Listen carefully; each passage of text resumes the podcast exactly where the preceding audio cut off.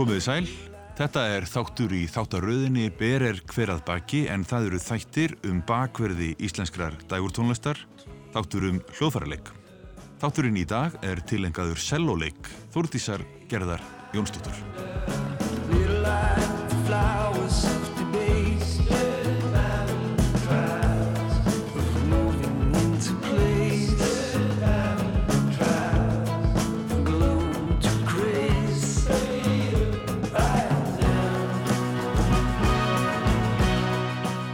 Ég muni í þættunum ræða við Þúrtísi Gerði um strengjanótkun í dægulegum og þá sérstaklega selloleik. Það mun líka heyrast í Rósu Guðrúnu Sveinsdóttur og Guðrúnu Gunnarsdóttur. Sjálfur heiti ég Karl Hallgrímsson.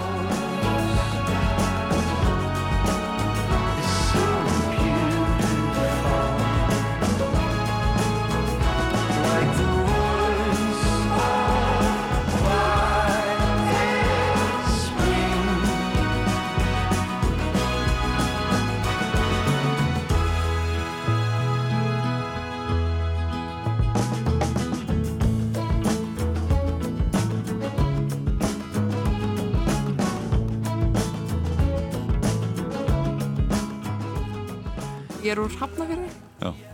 Um, bjóð þar alveg þangt til ég var 23 ára. Flutti þá, þá, þá byrjaði ég í listaháskólanum og flutti í miðbæn. Og svo núna hef ég búið í Árósum í eitt ár Já, og er þar enn.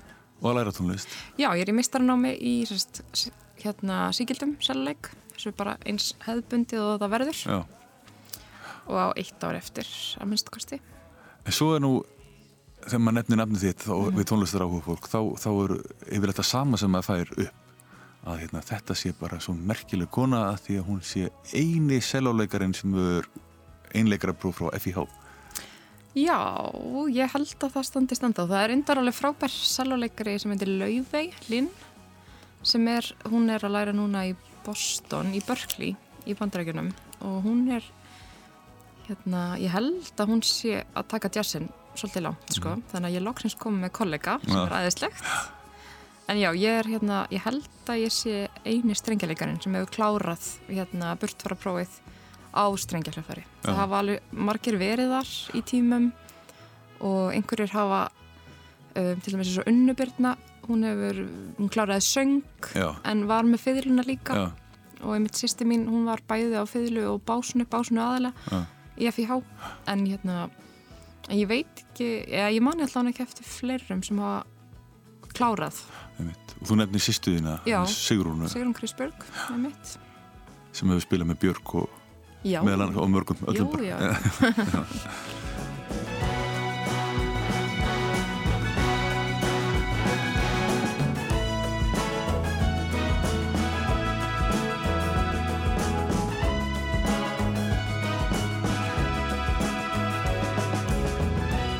Hva, hvað er það sem gerir Þórdísa eftirsoknaverðum samstarfsmanni í, í svona folkdjassi? Hún er óhrættið að prófa nýja hluti og hún er lærð úr FIH þar sem hún var með áherslu á jazz og þar náttúrulega er maður að bara spila eitthvað upp úr sér og með dálítið aðra nálgun heldur en til dæmis klassik þess að með niður njörfað kannski mikið til þar sem Mhm. átt að spila en þú fær náttúrulega alltaf svolítið listræn tjáningafrelsi en þetta er bara þessar nótu sem átt að spila Mm -hmm. þannig að hún hérna hefur svo gott lag á því að koma með fallegar sólólínur og, og hún er með svona annað töts einhvern veginn og já, svona, svona frjálsan spilamáta Mhm. Sem bara hendar svo vel í allan að mína músik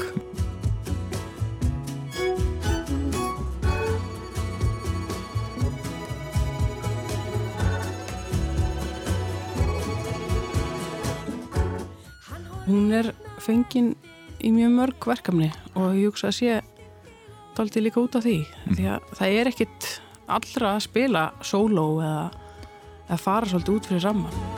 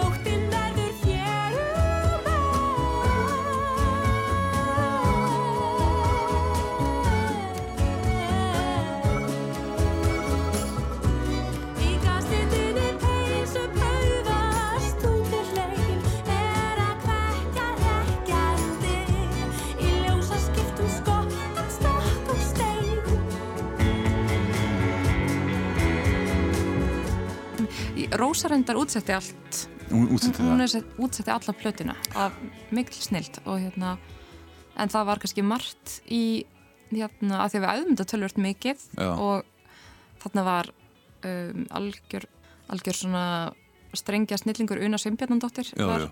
í hópnum sko sem er bara einhvern veginn uppspretta endalusra hugmynda og, og veit nákvæmlega eða þú veist hún er svo, svo gaman að vinna með henni af því að hún bara allavega í þessari vinnu þá var það alveg klárt að hún ætlaði bara að fá það besta út úr þessu Já, já. þannig að það varð margt, það urðu margar hugmyndir til sko eftir að kannski nótunar voru skrifaði niður en það er líka að miklu öðvöldra að fá góðar hugmyndir þegar maður er með góðan efniðið fyrst Já. sko.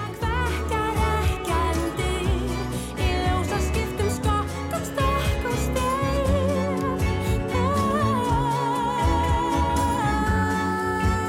Bæði Una og Þórdís eru reyndar í svona öðruvísi músik eða öðruvísi, ef við köllum sem sagt sko þegar maður horfur alltaf strengja, strengja hljóðfæraleikara sem svona klassist Já. basir það sko, Una er mikið í svona í, í, í nýmóðins, nýklassik og hefur að gera margt sjálf og með svona mikla pælingar, Þórdís kemur úr jazzi og poppi og, og líka klassik náttúrulega. Mm.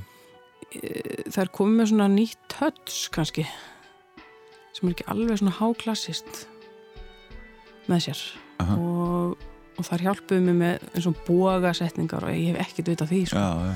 Hvern, í hvað áttu ætlar að Já, já. já, þannig að það er stjórnuðu svolítið bara samhljómnum Já. á nótunum sem ég hefði þá framrætt fyrir þess Ok. Oh, why can't I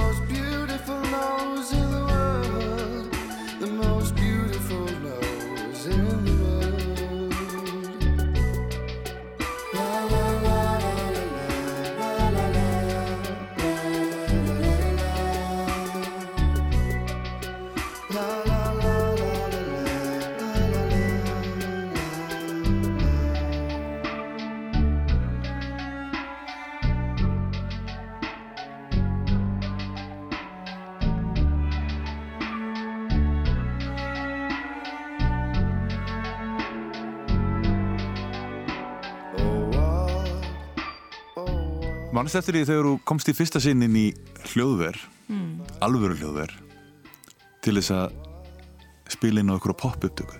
Nei, ég man ekki eftir því sko en þetta hefur verið eitthvað sem hérna ég hef gert í mjög langan tíma og ég var alveg sko þú veist, var, það var mjög mikið svona hljómsveitakúltúr í kringum mig kannski bæði að því að eldri sískinu mín voru svolítið í því en svo bara líka því ég spilaði á saxofón um tíma þá var ég bæði semst á cello og saxofón og Já. þá svona byrjaði maður í hljómsveitum og var svona svoleiðis og maður var strax bara dregin í að gera það sem allir hinni voru að gera sko. kannski svona það sem ég man eftir svona minnistæðast er kannski við spiluðum inn á plötu sem Halli Bottleiðu gerði Já, og heitir hérna Hafnafjörður Capital of the Universe æðislega plata sko Já, já. Og það var hérna, en þú veist þessi stúdíó sem maður var náttúrulega fyrst að fara í þú veist þetta voru ekkert kannski maður myndi kannski ekkert kalla þetta stúdíó sko, Nei. þó að stúdíó að vinna hafi klálega að fara þar fram sko. Og þú spila saxofón hjá Halla? Já, Já. ég held að við spilum bæði á cello og saxofón Já, já. um mitt og já. svo bara, veist, allt sem allt sem vandaði, vand, ég man nú ekki hvað, ég held að ég var ekki að spila það á eitthvað annað hjá Halla en þú veist, stundum áttum að syngja eitthvað og þá gerir maður það eða eitthvað slags Já, var einmitt það sem ég ætlaði að spyrja þig um, hvort að þú hefur sloppið við það, syngja. mm, Já og því miður sko, því að ég, ég væri alveg til í að, geta sungið aðeins meira Ég söng svolítið bakrættir í popljónsett sem ég var alveg svona fullgildur meðlumur í sem ég Roberti Rúmætt og var svona þjóðlega popljónsett. Með Daniel Helgasinni og, Rósu. Já, og Jónus Gari Jónssoni, og, hérna, og þá fannst mér alveg frábært að syngja bakrættir sko og spila um leið. Já.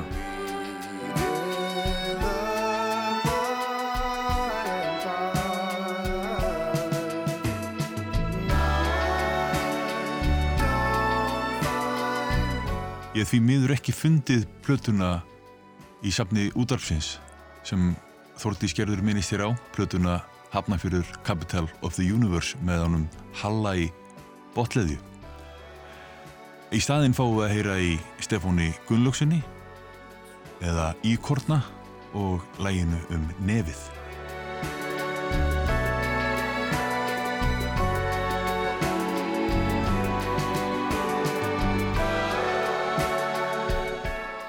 En hefur þú kórreynslu? eða svoleiðis? Já, um, ég var svona í einhverjum barnakórum í Hafnafjörði og svo uh, þegar ég byrjaði í listaskólanum þá var mjög metnaða fulli kór sem Steinar Lógi Helgason sem er að læra stjórnun núna út í Danmarku var með og, og svona stór hópur af hans vinum og, og svo bara vinum í listaskólanum sem hefði áhuga á kórsöng Já, við hérna vorum í svona kór og, og alveg bara frábær frábær félagskapur og frábær músik sem var gerð þar sko. Já, og svo þegar ég flutti til Árósa þá var svona eitt af því fyrsta sem ég gerði til þess að kynnast fólki. Það var að finna mitt kór.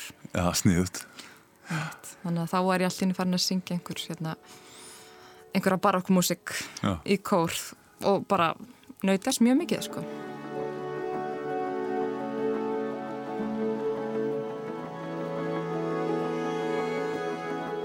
Eitt af því sem ég elska við söng, það er að maður getur verið músikalskur án þess að vera að beita einhverju mjög teknilegri þekkingu á hljóðfæri sitt. Já, og ég þekki alveg töluvert af sérstaklega kannski klassískum hljóðfærleikurum sem njótaðist mjög mikið að syngja í kór af því að þá fá þeir sko smá pásu frá hljóðfærinu en eru samt að búið til músík og á einhvern, hérna, á einhvern annan hátt sko.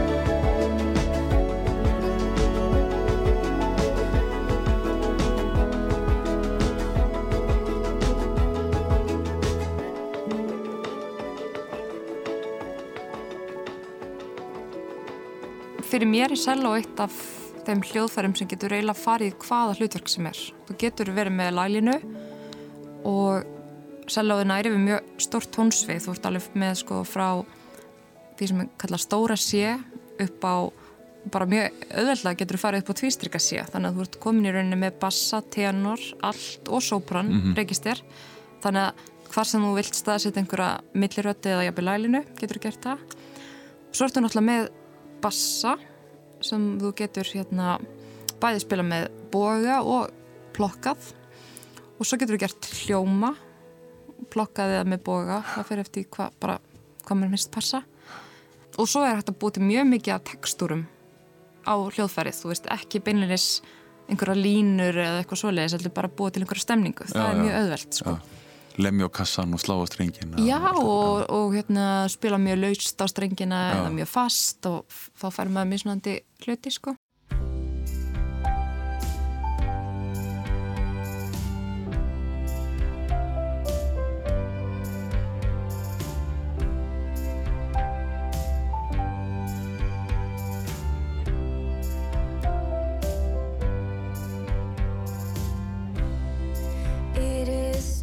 Nótkun strengja í popmusík Mhm. búin að vera kannski í gangi í 50 ár Það er mitt. og mjög oft er þetta alveg eins gert aftur og aftur og aftur. The night.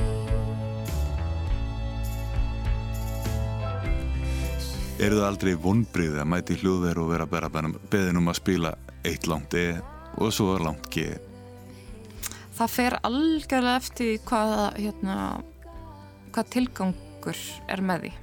Ef það er eitthvað sem hefur ákveðin tilgang, eh, þú veist, ef það er ekki bara til að fylla upp í eitthvað eða, svona motta já, eða, og- eða ef að mottan hefur sinn tilgang, Já, já. þú veist, þá einhvern veginn skiptir ekki alveg máli, sko, hvað hérna, hvað maður er að spila, þú veist, ef það er einhver pæling á bakvið það og maður fer að vita eins kannski hver pælingin er, þá finnst mér það allt, allt annað sko. Og, og eitthvað drón er, þú veist, ekki sama og drón, þú veist, eitthvað mjög mikið úthugsað.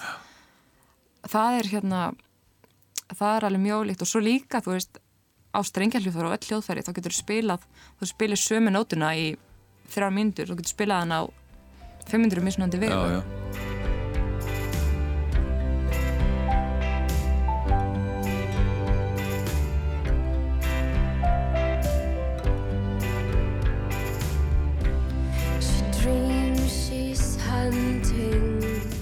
það er svo frábært bara, mér finnst bæði gaman að fá mikið frelsi og líka ef fólk er búið að úthugsa þetta allt áður en ég kem. Bara svo lengi sem maður fær að hafa eitthvað samtal við þann sem er að gera músikina bara hvað þetta er og til hvers og, og hérna hvernig viðkomandi er búið að hugsa sér að þetta eiga hljóma eða hvað, hvað hlutverk geta að gegna í músikinni það er svona það sem ég finnst svona minnst spennandi er þegar ég mæti og fólk hefur ekki skoðun á því sem er að fara að gerast já, já. og þá líka oft, þú veist, þegar ég kem í stúdíu og það er sagt, gerðu bara eitthvað þá ósjálfur átt fer maður oft bara að gera sömu hlutina en um leiðum að færa einhverja aðeins hugmyndum hvert þetta er að fara eða, eða hvaða hvaða stemning og þetta, búa, að búa til þá hérna, þá fer þetta að vera spennandi og þá fer maður að hugsa aðeins út fyrir kassan og það þarf ekki mikið til, bara rétt svona að maður fá eitthvað eitthvað hérna input frá einhverjum öðrum og þá kemur ofta eitthvað alveg, alveg nýtt sem mann hefði aldrei sjálfum dótt í hug sko.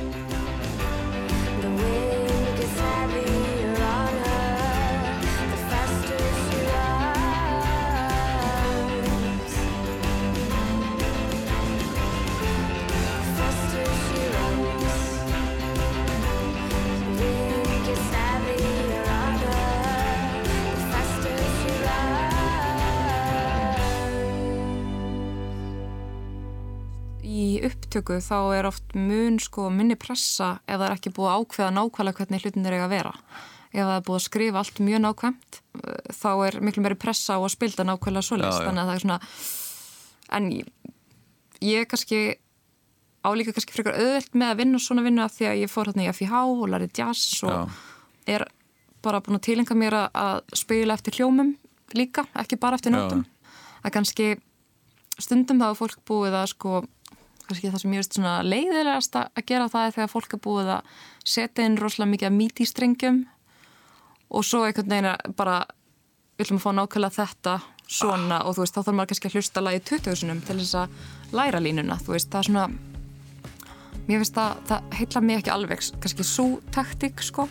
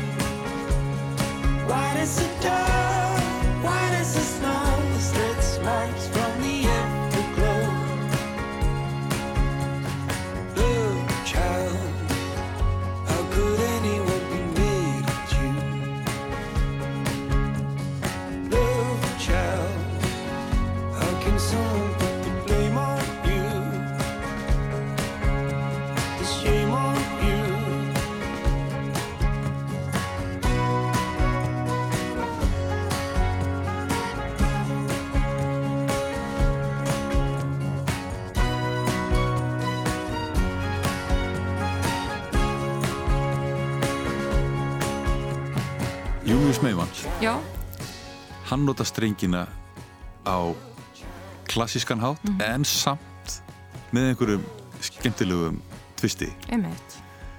Þú fyrst að vinna með honum. Já, það voru einmitt dæmi um upptökur þar, þar sem var mjög mikil undirbúningsvinna og það var aðalega í höndum útsettirana sem voru held að Andri Ólafsson bassaleikari hafi að mestu gert útsendingar og gerði það rosalega vel svo var einmitt sýsti mín, Sigrún sem gerði einhverjar útsendingar og Rappkjellóri Egilson, sæluleikari og bara öll þrjú gerði þetta rosalega vel. En það var til dæmis dæmi um, um stúdíóvinnu þar sem í rauninni allt var tilbúið, þú veist, við, það var nákvæmlega vitað út í hvað var verið að fara. En það voru við held ég hvort við höfum verið sko já, allavega sex eða jafnvel sjö strengjuleikarar að taka upp saman í einu rými á sama tíma. Sem, þú veist, þetta var útsett fyrir nákvæmlega þessa strengi, þetta var ekki tínt til bara svona eitt og eitt og þá náttúrulega verður að vera einhver verkstýring á því Já. og þannig að þá var kannski aðal vinnan fólst í fyrir mig sko að bara spila sig inn á það og, og þetta voru til dæmis útsýningar sem þurftu að vera rosalega nákvæmar Á hvað stíði var þetta þau tókuð þetta upp? Ef þú veist, var, var komið grunnur, bassi trómur Já, það var komin grunnur og söngur og svona. Já, já, mér minnir nú að söngurinn hafi verið komin sko. Mjög oft þá er hérna, þá er, eru strengirnir svona, svona kremið á kökuna sko. Yfirleitt er margt annað komið inn, flest annað kannski og það er kannski svona eitt af, eitt af því svona leðilega við að vera í þessu að maður svona kemur alltaf inn svona einhvern veginn í lokin og maður kannski hittir aldrei fólkið sem var að spila með og og, þetta, og svona plötu útgáfur eru oft svona einhverja viðhafna útgáfur af lögum þannig að maður er ekkert mikið að spilda á tónleikum heldur Já. þannig að maður svona hefur stundum tekið þátt í einhverju verkefni sem síðan eignast eitthvað allt annað líf og maður er, er ekkert inn í því lífi sko. Og finnur sér ekki sem partaði. Nei, og veist, og bara vissulega er maður ekkert alltaf partur af því heldur, þú veist, það er ekkert hérna, það er ekkert alltaf eitthvað sem maður á erindi í, en oft, það er mjög oft sem maður hugsa svona að maður væri til í að fá að vera bara meira með, sko. Aha.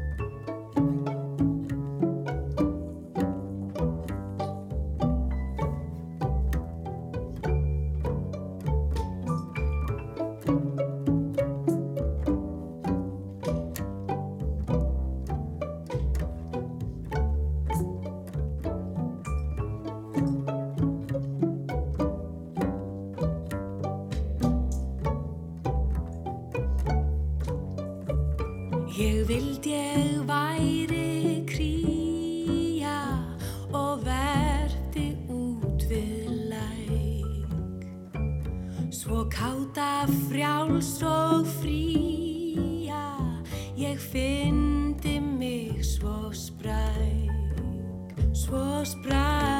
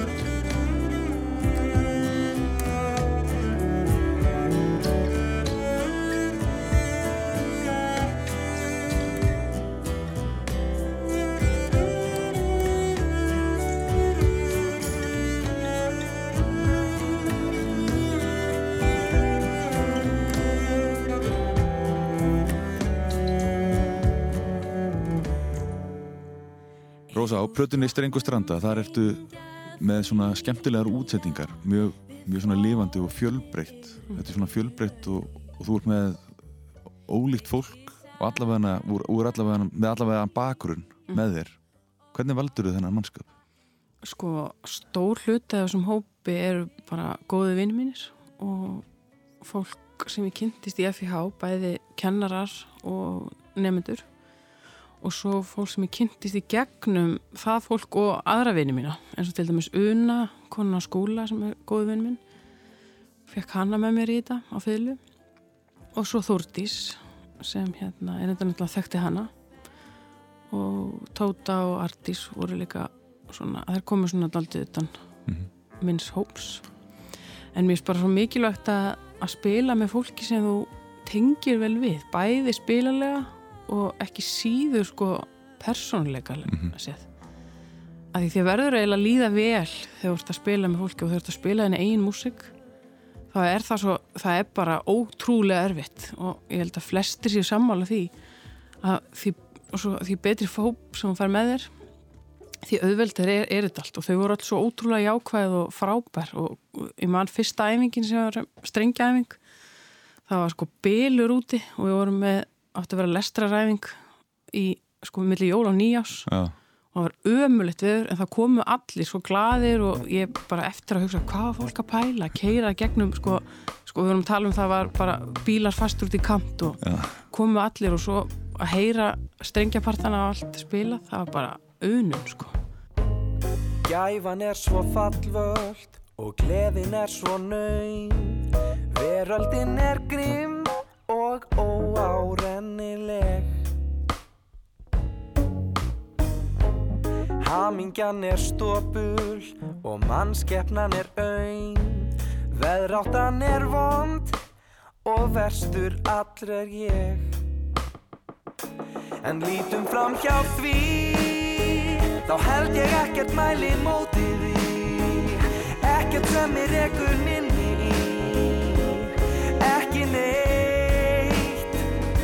Að slaka aðeins á.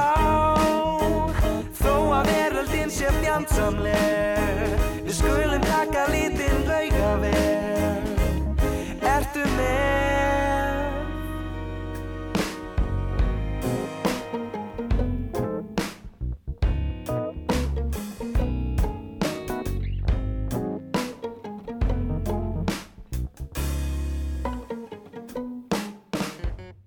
Ertu áhugasum samt um tölvumislu Nei, sjálf? ég er bara, bara, ég hef engan áhuga á þessu en þetta er samt svo mikilvægt starf og það eru svo margir sem eru búin að sko nördast alveg mikið í þessu og ég er búin að nördast á mínu hljóðfæri þannig að mér finnst einhvern veginn bara sko ég bara, ég ger mér enga væntingar um að ég muni nokkuð tíman sko verja tíma í að kynna mér hlutina svona vel þannig að ég einhvern veginn bara bæði þú veist þetta heitla mig ekki en svo líka bara hef ég kringum mig svo ótrúlega mikið af fólki sem er svo frábært í akkurat þessari vinnu Aha.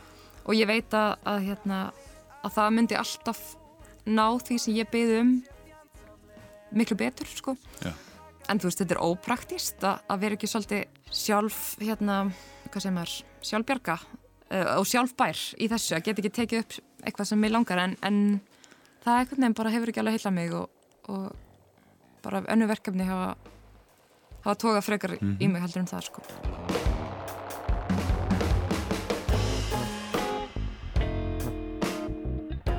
Er þetta fyrsta önnurplata Móses sem þú ert á?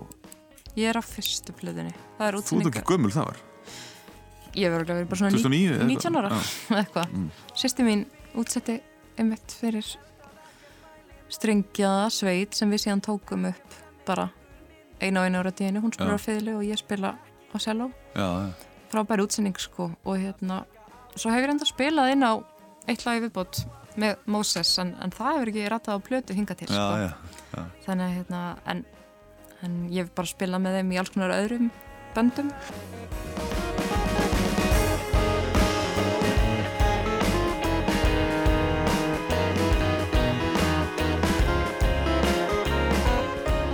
Þegar ég fæ svona eitt og eitt lagsend þá einhvern veginn ég hlusta ekki mjög nákvæmlega á það fyrir en ég er bara mætt Já. í stúdíuð, maður kannski rennir aðeins yfir það en mér finnst bara ef þetta er allt opið, þá finnst mér best að fá hugmyndirna bara með fólki Já, á þeim tíma svona, og það er kannski svona gallin við að mér finnst sko þetta svona e-mail umhverfi sem Já. er alltaf að taka yfir sko að það er einhvern veginn oft búið að demba á mann alls konar upplýsingum áður en þær fara að hafa einhverja þýðingu sko.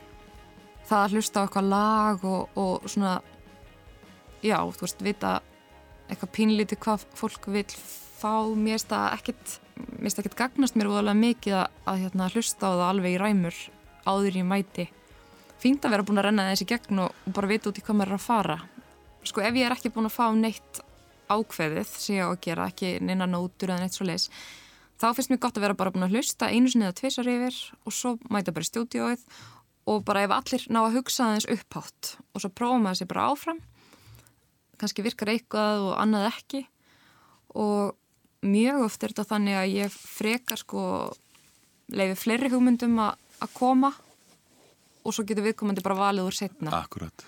En svo hérna svakalega lag hérna á plötu sem að Guðrún Gunna skerði í hitti fyrir. einmitt, Það er lag sem heitir Ef tími vinst til. akkurat þar sem að sellóið er samt svona hefðbundið drón svolítið en Mhm. setur svona ofsalega fallega punkt yfir í þið.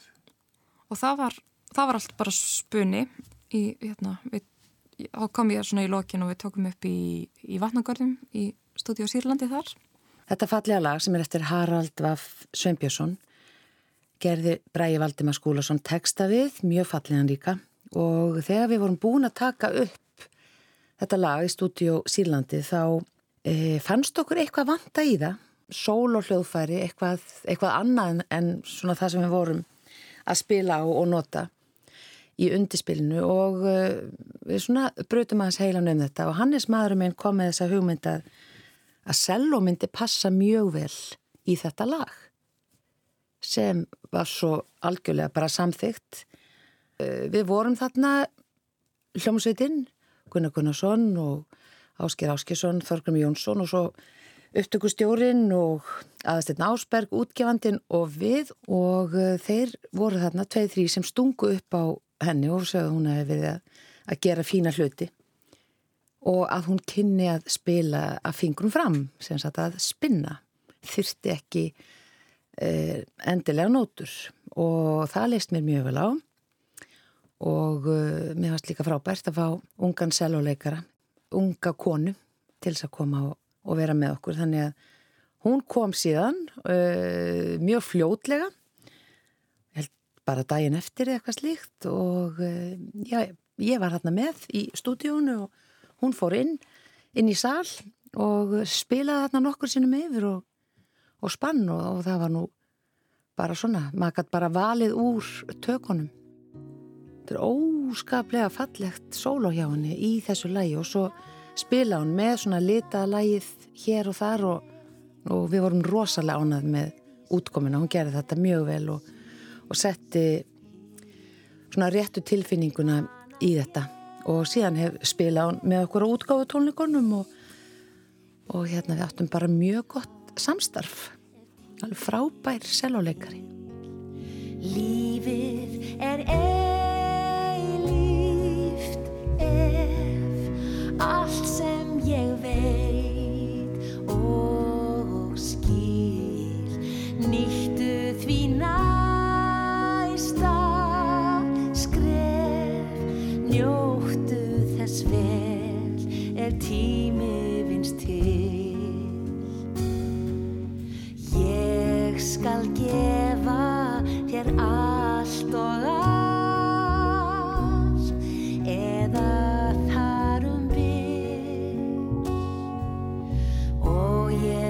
þakka þér þúsund fall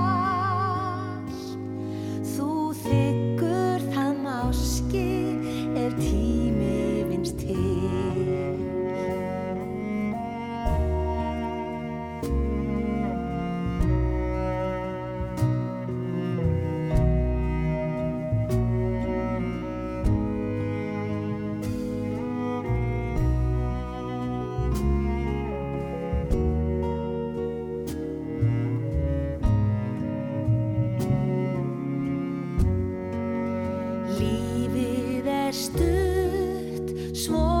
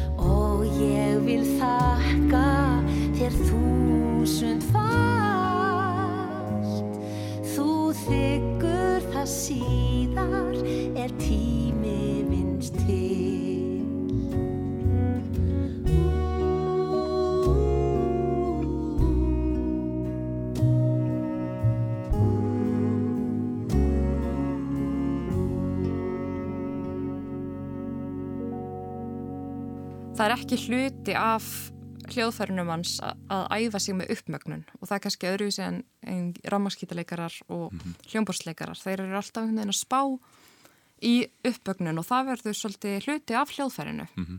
Strengjaleikarar og flesti blástishljóðfæraleikarar eru ekki, þegar maður æfir bara sína dælega æfingar, þá, hérna, þá er það sjaldnast sko hluti af því, ekki nema maður sé alveg bara mjög meðvitið að prófa það.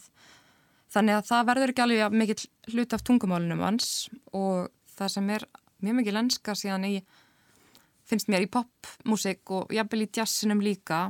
Það er mjög oft sem sko ákveðin hluti hljóðfærarna er æfður með uppmögnun, þú veist eins og ramaskítar og, og hérna, hljómborð og rafbassar og, og söngur. En svo einhvern veginn er það ekki fyrir ná tónleikadegi sem er sett sko viðinandi mögnun á þessi meira kannski viðkvæmi hljóðfæri. Og mér finnst þetta rosalegur galli að ég held í fyrsta lagi að það væri alveg hægt að skrúa niður í sko, hinnum hljóðfærunum þannig að það heyrist bara í öllu. Og maður sé náttúrulega í sinfoniljónstum og, og alls konar samspilum þá ertu kannski með áttamanna slagverks hljómsveitin, þú ert ekki að magna upp mm -hmm. eða eitthvað, þú veist, fólk er bara kannski hefur fengið meiri þjálfun í að spila veikt og, og spila yfir kannski stærra spektrum hvað er það hljóðstyrk. En svo mjög oft er það líka þannig að, hérna, að það er ekki fyrir en á sviði í hljóðpröfu að þú færð mögnunina sem þarf til ef að hljóðstyrkurinn á að vera svona mikill. Og það bara það er oft bara ótrúlega ólíkt að spila þannig, þú veist, maður heyrir allt öðruvísi í sér, það er allt öðruvísi uh, sko, maður framkallar tónin einhvern veginn en svo kemur eitthvað hljóð annar staða frá sem maður kannski hefur ekki stjórn á eða býst ekki við. Ég held að þetta sé oft svolítið spurning um það að þú veist að maður er að spila tónleika og þá allt í hennu heyrist í strengilhjóðurunum sem hefur kannski aldrei heyrst áður. Ég get verið mjög erfið með þetta sko, bara vilja lækka í öllum öðrum. Sko. Ákvæði, skilji, en þegar þú getur valið sjálf hvað þú heyrir í mónotórnuðinum, Já, hvað velur? Það fer algjörlega eftir hvað maður er að, að spila. Og hérna Viltu heyra mikið sjálfur þér til, til að mynda? mm, í, sko í það fáskipt sem ég spila til dæmis með svona innýjar eins og þegar ég var að spila aðeins með Oliver Arnalds þá, mynd, þá vildi maður heyra bara mjög mikið í strengjakvartetinum. En, en hann semur tónlist sem getur verið rosalega útpælt svona taktlega séð.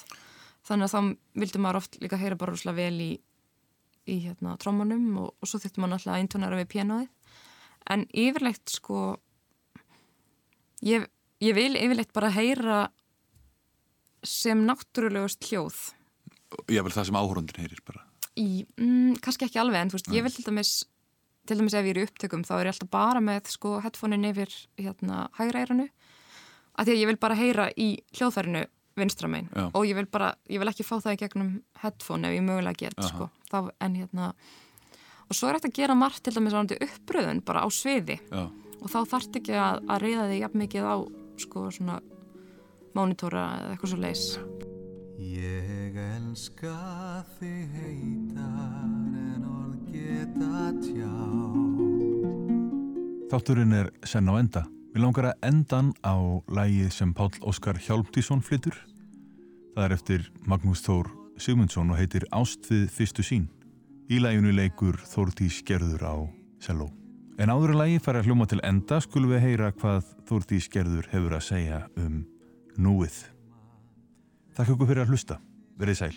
þegar ég er á Íslandi þá er ég svona uh, hjúkunarfræðingur í hjáverkum á bráðumtöku badna sem er örgulega besti vinnustöðar á Íslandi og hérna bara ég kannski, þú veist, ég kannski tala svona vel um það því að ég vinn svo sjaldan, þú veist, þannig að ég er alltaf svo fersk á vaktinni en það er bara ég held að listamenn hafi rosalega gott að því aðeins að rífa sinni á jörðina og fara bara í hvítan búning og eiga að hugsa um einhvern annan sko. ég finn það bara hjá sjálfur mér að það er hérna stundum er maður alveg bara sakið orðbræði bara með hausinn fastan upp í rassinum sko, þú veist maður bara en þú veist að vissuleiti er það nöðsilegt líka. Þú veist maður þarf að, Já. að þjálfa upp okkur færni og, og veist það að vera tónlistamæður krefst svona mikillar innveru oft. Þú veist æfa sig semja einn þannig að það er gott það er rosalega gott að fara bara að hugsa um hugsa um einhvern annan og vinna í teimi og hóp og þurfa að vera hérna, svona góðu liðsfélagi. Eftir ég kláraði listháskólan þá, þá tók ég hérna, viðbótar námi í líðhelsu í háskólanum sem er fyrir svona þerfælegt nám. Og þar kemst maður bara því hvað er mikilvægt að, að hérna, hugsa vel um heilsuna, bæði andlega, líkamlega, félagslega eiga sér, hérna, hafa sér einhvern tilgang á markmið og, og hérna og bara þetta heilbriða lífverðni sem þú veist maður get ekki gert neitt ef maður væri ekki með það. Eða þú veist, að það myndi allan að koma niður á manni einhvern tíman ef, ef að það er ekki í lægi Þetta er frábært. Takk kjallaði fyrir Já, bara, bjallið. takk fyrir mig, ég vona að þú getur notað Já, sannarlega.